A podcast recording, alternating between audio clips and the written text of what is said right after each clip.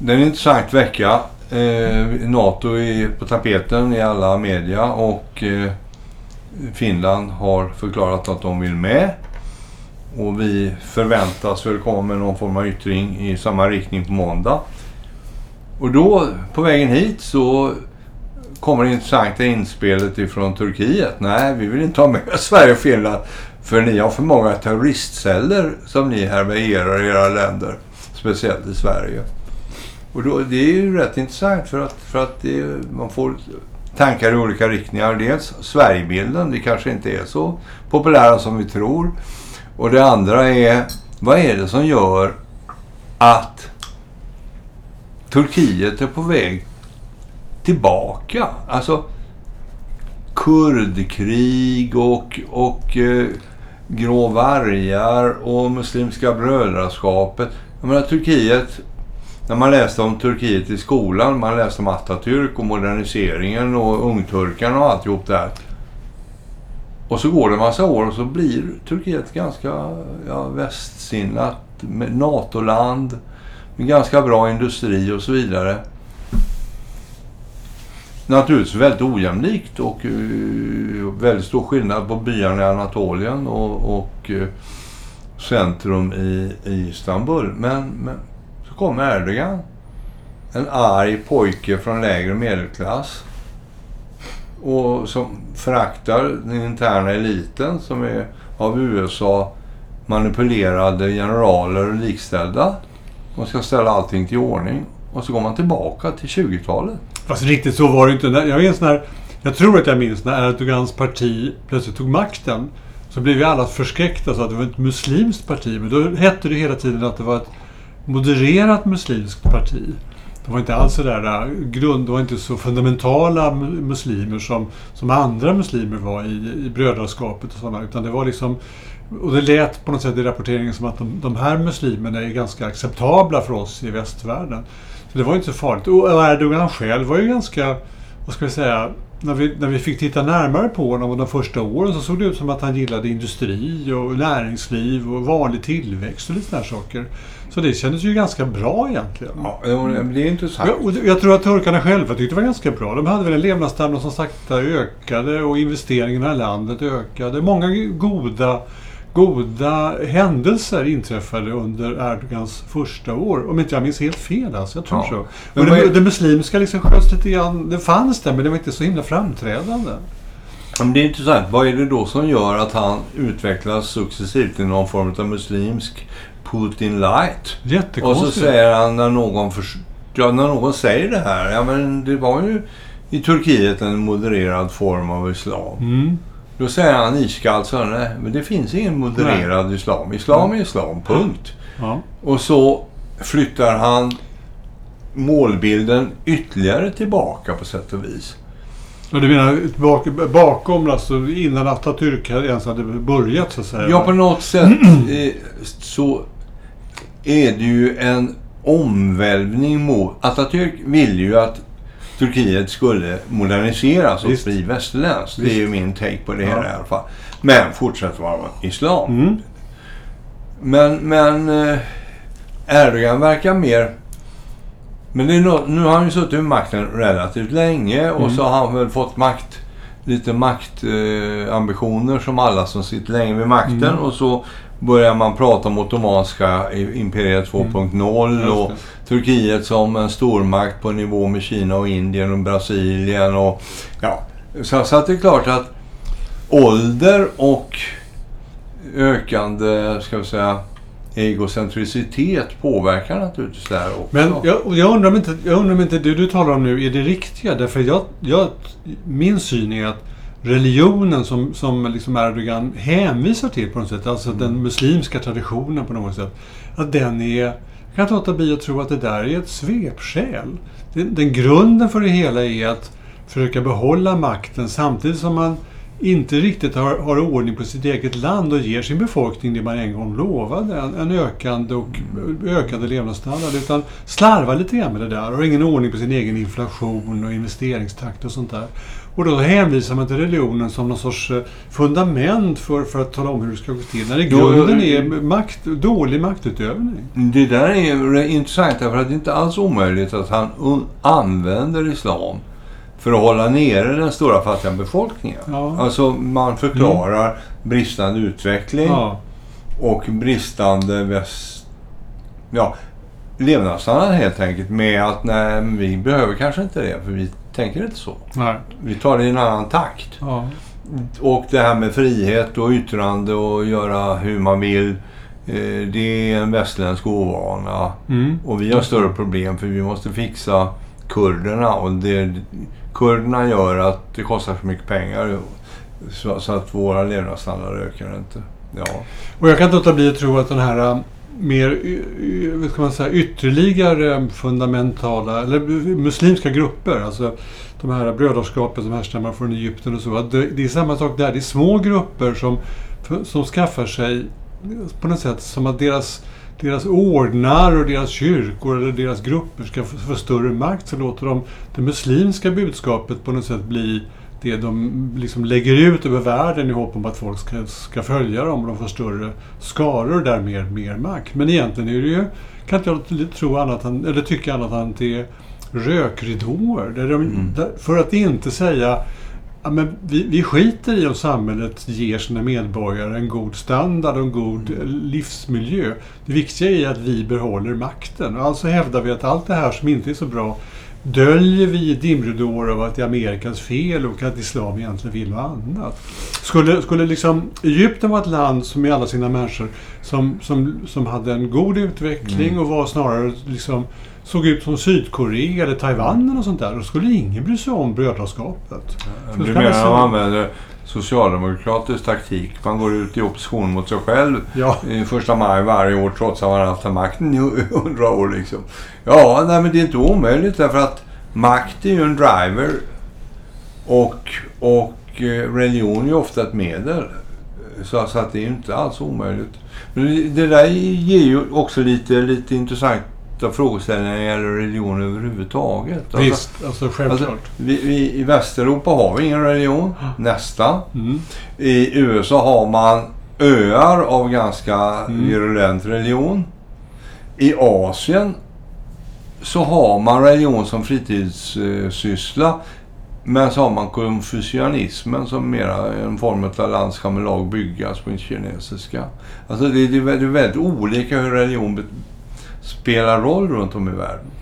Och den, den europeiska liksom nervittrade religionen, det är ju väldigt, väldigt nytt egentligen om vi tittar världshistoriskt. Det är ju egentligen bara en eller två generationer ner. För att tidigare var ju mässorna och alltså även den vanliga högmässan på söndagar var ju befolkad. Även om inte våra föräldrar kanske gick i kyrkan så deras föräldrar gick i kyrkan ändå. Ja, Alltså, det är det, rätt det är inte långt tillbaka, det har gått väldigt fort alltså. Nej, långfred, långfredagen 1956 var ju inte någon munter tillställning precis. Och det, det är faktiskt bara 50-70 år sedan som den här sekulariseringen slog igenom på allvar. Och om man, då, om man tittar med, lit, med ett litet, litet, eh, alltså en liten nisch av det hela, vårt eget land. Så vad är det som gör att vi inte är så religiö, religiösa längre? Så jag inbillar mig att det faktiskt är den egna, vanliga välfärden som gör det. Alltså att vi, vi har det så bra så att vi behöver inte ty oss till kyrkan längre. Jag gissar att det är det. Ja, det, det tror jag är en, en, väldigt stark hypotes. Och det är ju så att vi har ju haft ett relativt folkvälstånd. Mm. Kanske längst av alla. Därför vi slapp kriget och sådär. Och det gör ju det att, att, att vi är mest extrema i, i den här avkristnandet så att säga. Eh, är ju inte så konstigt. För vi hade ju eh, liksom varmvatten och kylskåp redan 1955 Mm. i arbetarhemmen. Mm, när de flyttade in i nya bo- bostäder så att säga. Och då blir naturligtvis kontrasten mot våra nya medborgare som kommer från länder med helt annan tradition och helt annan religiös betydelse. Alltså där, där Mm, religionen betyder på ett annat sätt.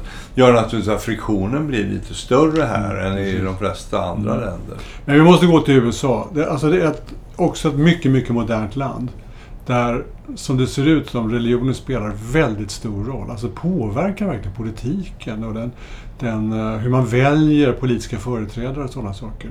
Det är ju, alltså, om, om man tittar på det med svenska ögon så ser det ju väldigt egendomligt ut. Varför är det så?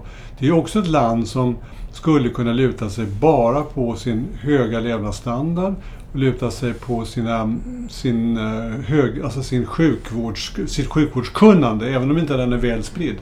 Men ändå att det, det finns vetenskap som gör att folk inte behöver vara så himla sjuka. Så är det ju i det landet också. Varför tyr de sig till religionen? Det är ju svårt att förklara. Alltså. Ja, men alltså delvis kan ju en förklaring vara att väldigt många av de som emigrerar från Europa, de emigrerar ju av religiösa skäl. Mm. Att de fick inte, de fick inte utöva sin fri, frireligiösa form av religion i Europa och då åkte man till USA.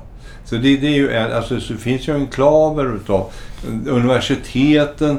Det var ju mycket, ska vi säga, eh, religiösa universitet i USA av det här skälet. Och eh, sen så är det ju så att USA är ju så splittrat så en del människor lever ju faktiskt på u-landsnivå i USA. Det är ju Mm. något som förvånar mig. När man kör omkring på landsbygden i USA, vilket jag inte har gjort så mycket, men det lilla jag har gjort så, så är det ju mer likt Argentinas landsbygd än Europas landsbygd. Alltså folk är fattiga på riktigt. Mm. Ja, va? det är verkligen sant. Och, och, och då behöver de Ja. ju religion på samma sätt som man gör i Mellanöstern. Ja. Eller i, och sen, de rika kan ju använda religionen som ett maktverktyg, Mm. precis som i Mellanöstern. Mm, mm. Och, och så att, eh, men USA är väldigt intressant därför att USA går ju åt samma håll som Turkiet. Mm. De blir ju inte mindre religiösa.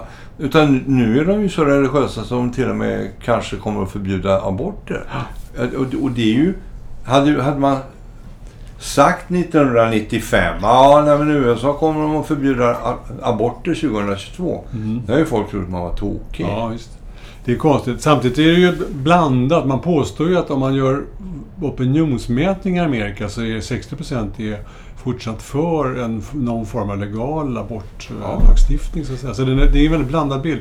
Men det intressanta är det du säger att om vi tänker så här. Amerika, Amerika blev Amerika av frihetstörstande europeer.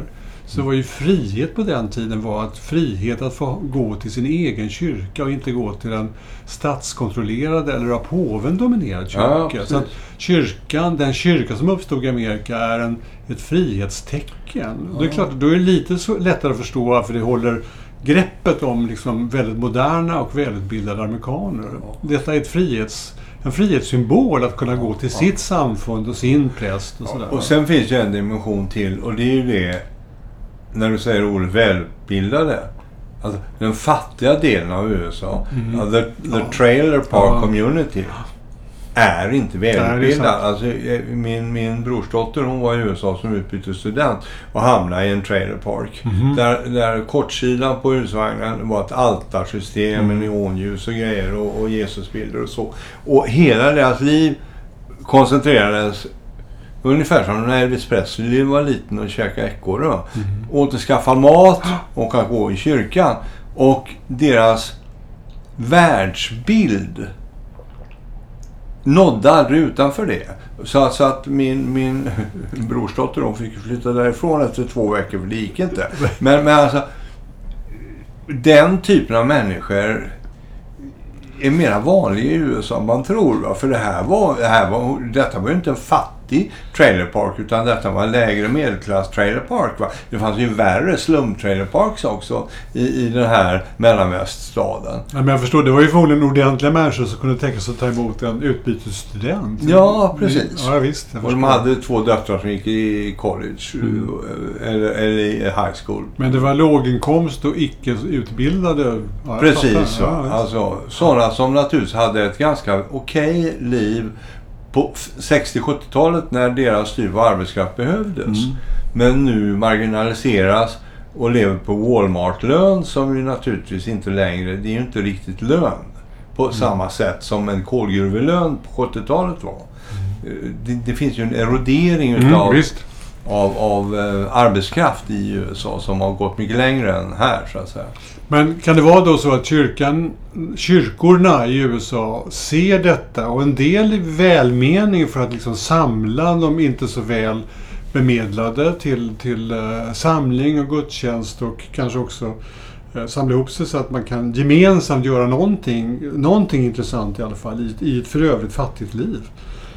Och därmed så blir kyrkorna starka. Ja, men en tröst. Ja, man, Ja, ja. tittar, på, tittar, tittar på den svarta communityn i USA. Mm. Där är ju kyrkan den är ju extremt central. Mm. Och den är ju en kä- källa till enorm glädje. Alltså om Mm. man har sett en sån här eh, kör som sjunger gospel Mm. när de är i full gång. Alltså det är naturligtvis en, en verklighetsflykt av väldigt positiv form. Mm. Eh, så, som är förståelig när man bor i de här ska säga, utsatta områdena i södern och så vidare. Kul att träffa. Klä på sig fint, gå till kyrkan och sjunga utav tusan på söndag och så övar man på tisdag och torsdag. Alltså, Mm. Det blir ju ett, ett, ett, ett Gemenskap, sammanhang och en gemenskap. Och, och man har en plats i sitt samhälle Mm. på något sätt. Så man är inte bara utsatt. Liksom?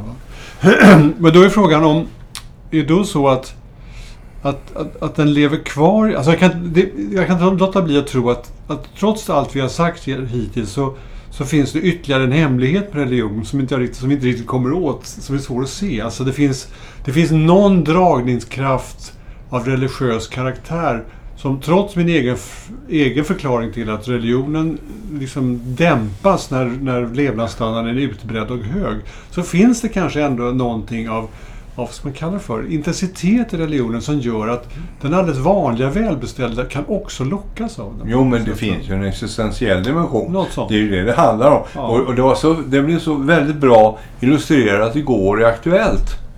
Därför man diskuterade det här svarta hålet i centrum på våran, på våran eh, Vintergata. Mm. Och då säger den kvinnliga eh, redaktören, Mm. Då säger han så här, Åh, det låter nästan religiöst. Ja. När man kommer ner i alltså, rumtidens eh, Ja, nollpunkt och singularitet och alltihop där.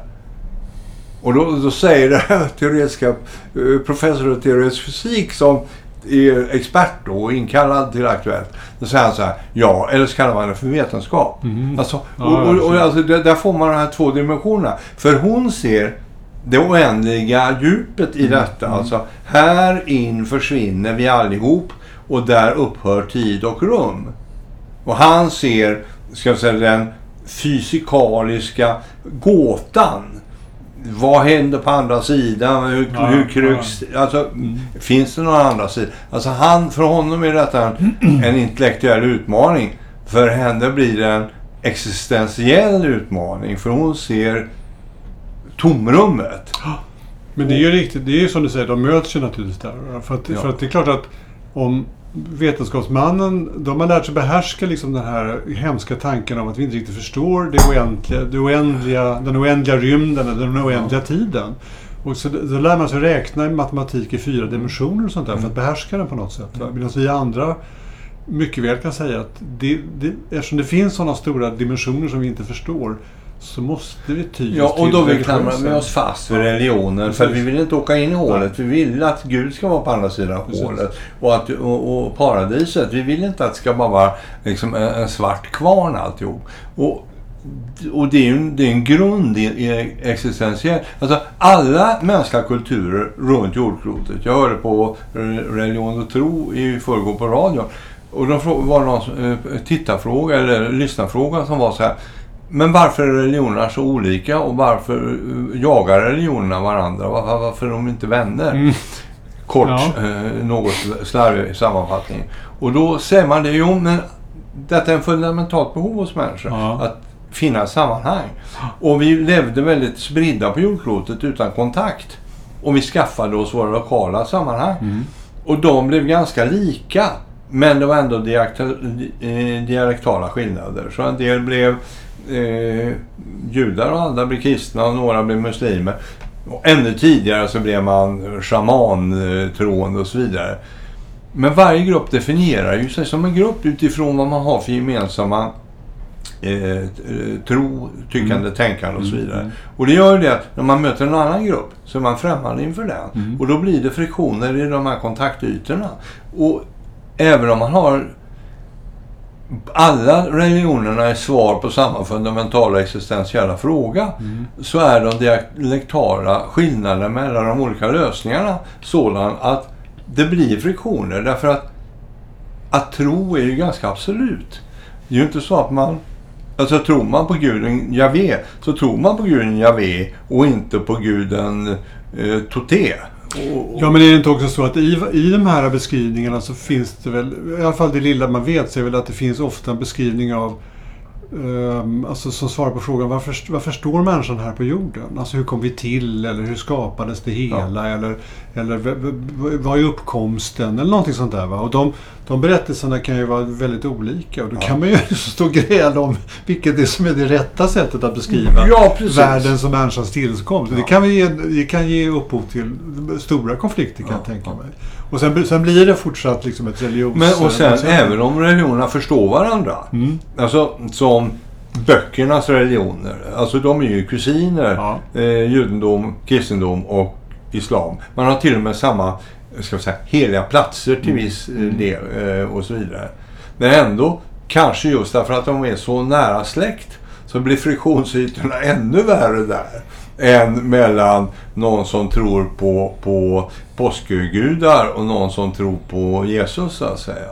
Alltså, Det väl, men det är väl ofta så att det är, det är grannarna som bråkar mest på något sätt? Ja, det, ja det, det, det är ju det. Därför att...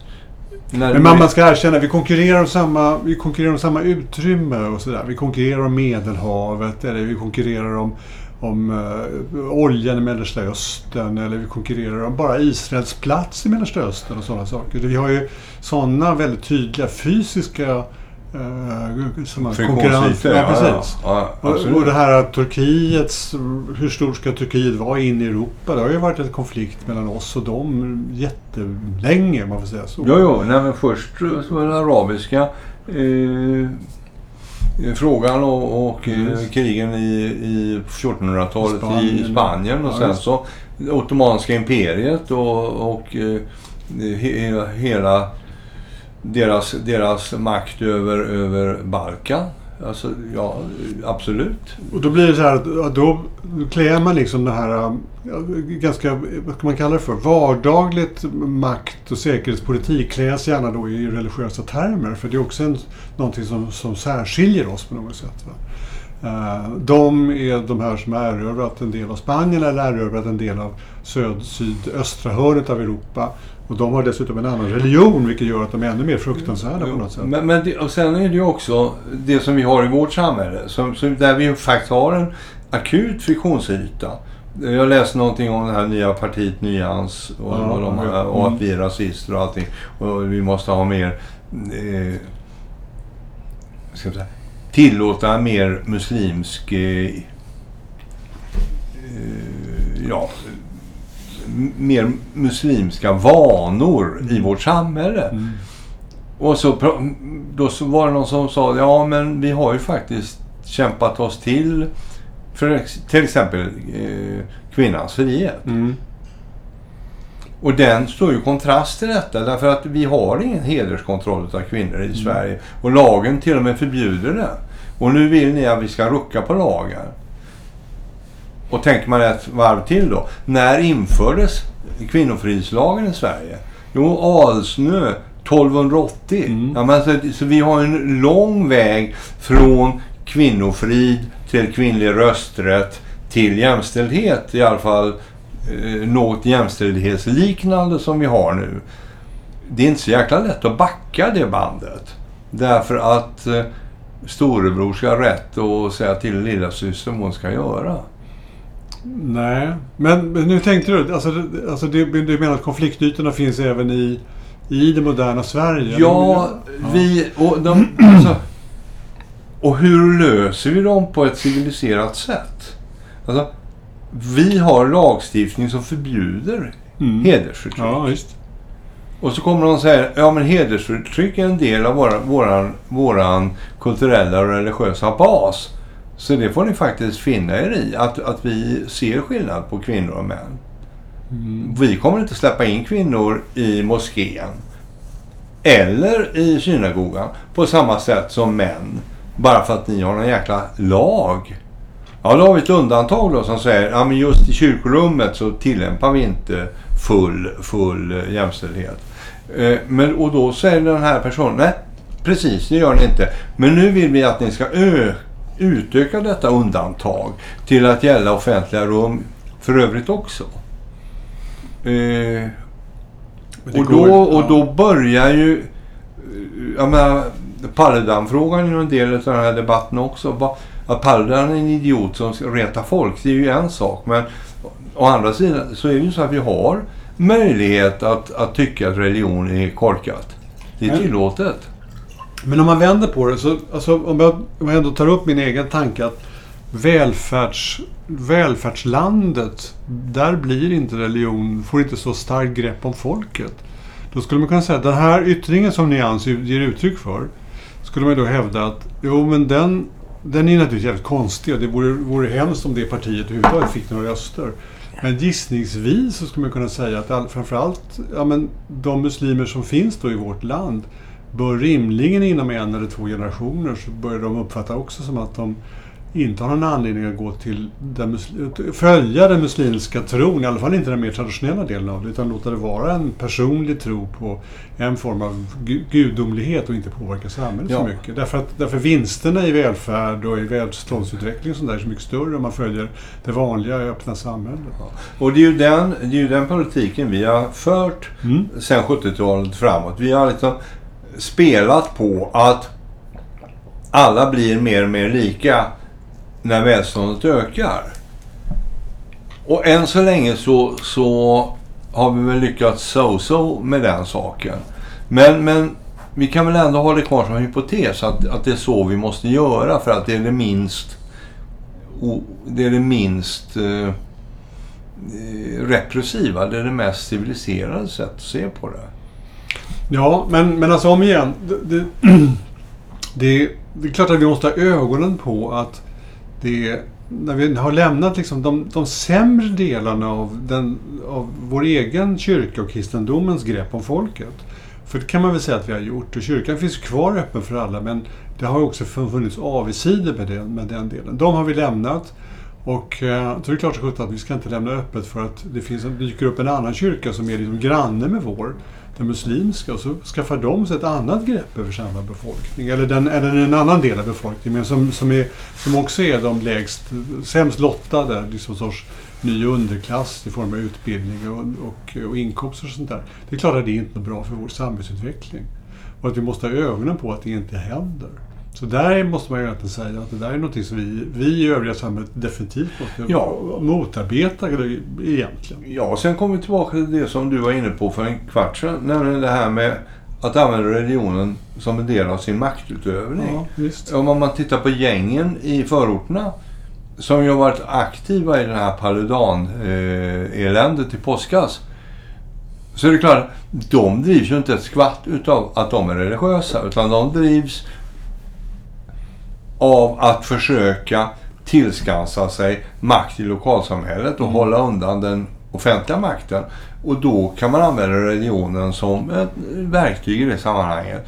Och de stackars förtryckta mammorna som eh, säger till sina 11-åringar att de ska kasta sten. De blir då ett redskap för, för ganska obehagliga maktkrafter så att säga. Om man, om man ägnar en sista minut åt, skulle det vara... Om vi tänker oss på vår egen traditionella religionsuppfattning, alltså den vi fick lära oss i skolan, alltså helt enkelt kristendomen och kristendomskunskapen. Skulle det vara ett värde om den fick större plats i vårt samhälle? För att jag kan ibland tycka att vi kanske har blivit lite väl icke-religiösa. Förstår du jag menar? Alltså liksom att den, den typen av, av andlighet som, som ändå skulle kunna, skulle ändå kunna ha ett värde. Till exempel om vi, blir, om vi hamnar i en krigssituation som, som nu börjar bli mer och mer aktuellt. Inte för att vi kommer hamna i det, men alltså det finns ett krig nära oss. Skulle kyrkan och religionen då kunna spela roll? Eller om det blir mer eh, akut andra svårigheter, att klimat, klimatproblemet visar sig vara mycket, mycket värre än vi har trott, så vi hamnar i riktigt eh, svåra omständigheter. Eller någonting sånt där. Skulle det då vara ett värde att vi då hade, ändå trodde, kunde till oss själva säga Ja, vi vet inte hur det blir, men om Gud så vill så kan det bli bra. Någonting sådär. Så man kan ändå somna på nätterna med lite mer lugn istället för oro. Ja, jag tror alltså att det finns större behov av det där än vi kanske tror i vardagsdebatten. Därför jag, alltså jag kan inte komma ifrån, jag var på en repövning för massa år sedan, massa år sedan, över 30 år sedan. Och så hade vi bataljonskorum. Och jag tänkte mig, det kommer 14 man. Det kom liksom 1200 utav 1500. Det var helt fantastiskt. Och det, det, och det var en religiös manifestation. Mm. Ute i skogen. Mm. Och jag hade aldrig kunnat gissa att det skulle få det utfallet. Aldrig. Det var, det, det var ju kanske några år sedan du och jag gjorde repmöten, men mm. ändå. Det, det säger ju ändå någonting att, det, att det, det finns kanske latent på något sätt fortfarande. Uh, och just, just när man är på ett repmöte så är det ändå så att det finns en inbillad, mycket farlig situation som man befinner sig ja. i. Så är det ju. Och att den då manifesterar sig i att vi också tar, vi tar vi tar, vi tar det andra hjälpmedlet, vi tar åt oss det också och provar det på något sätt va, mm. i den här tänkta krigssituationen. Mm. Nej, ja. Det, ja. ja, intressant. Uh, uh, vi, går, vi pratar vidare nästa gång och får se vilket ämne vi har då. Men intressant ändå.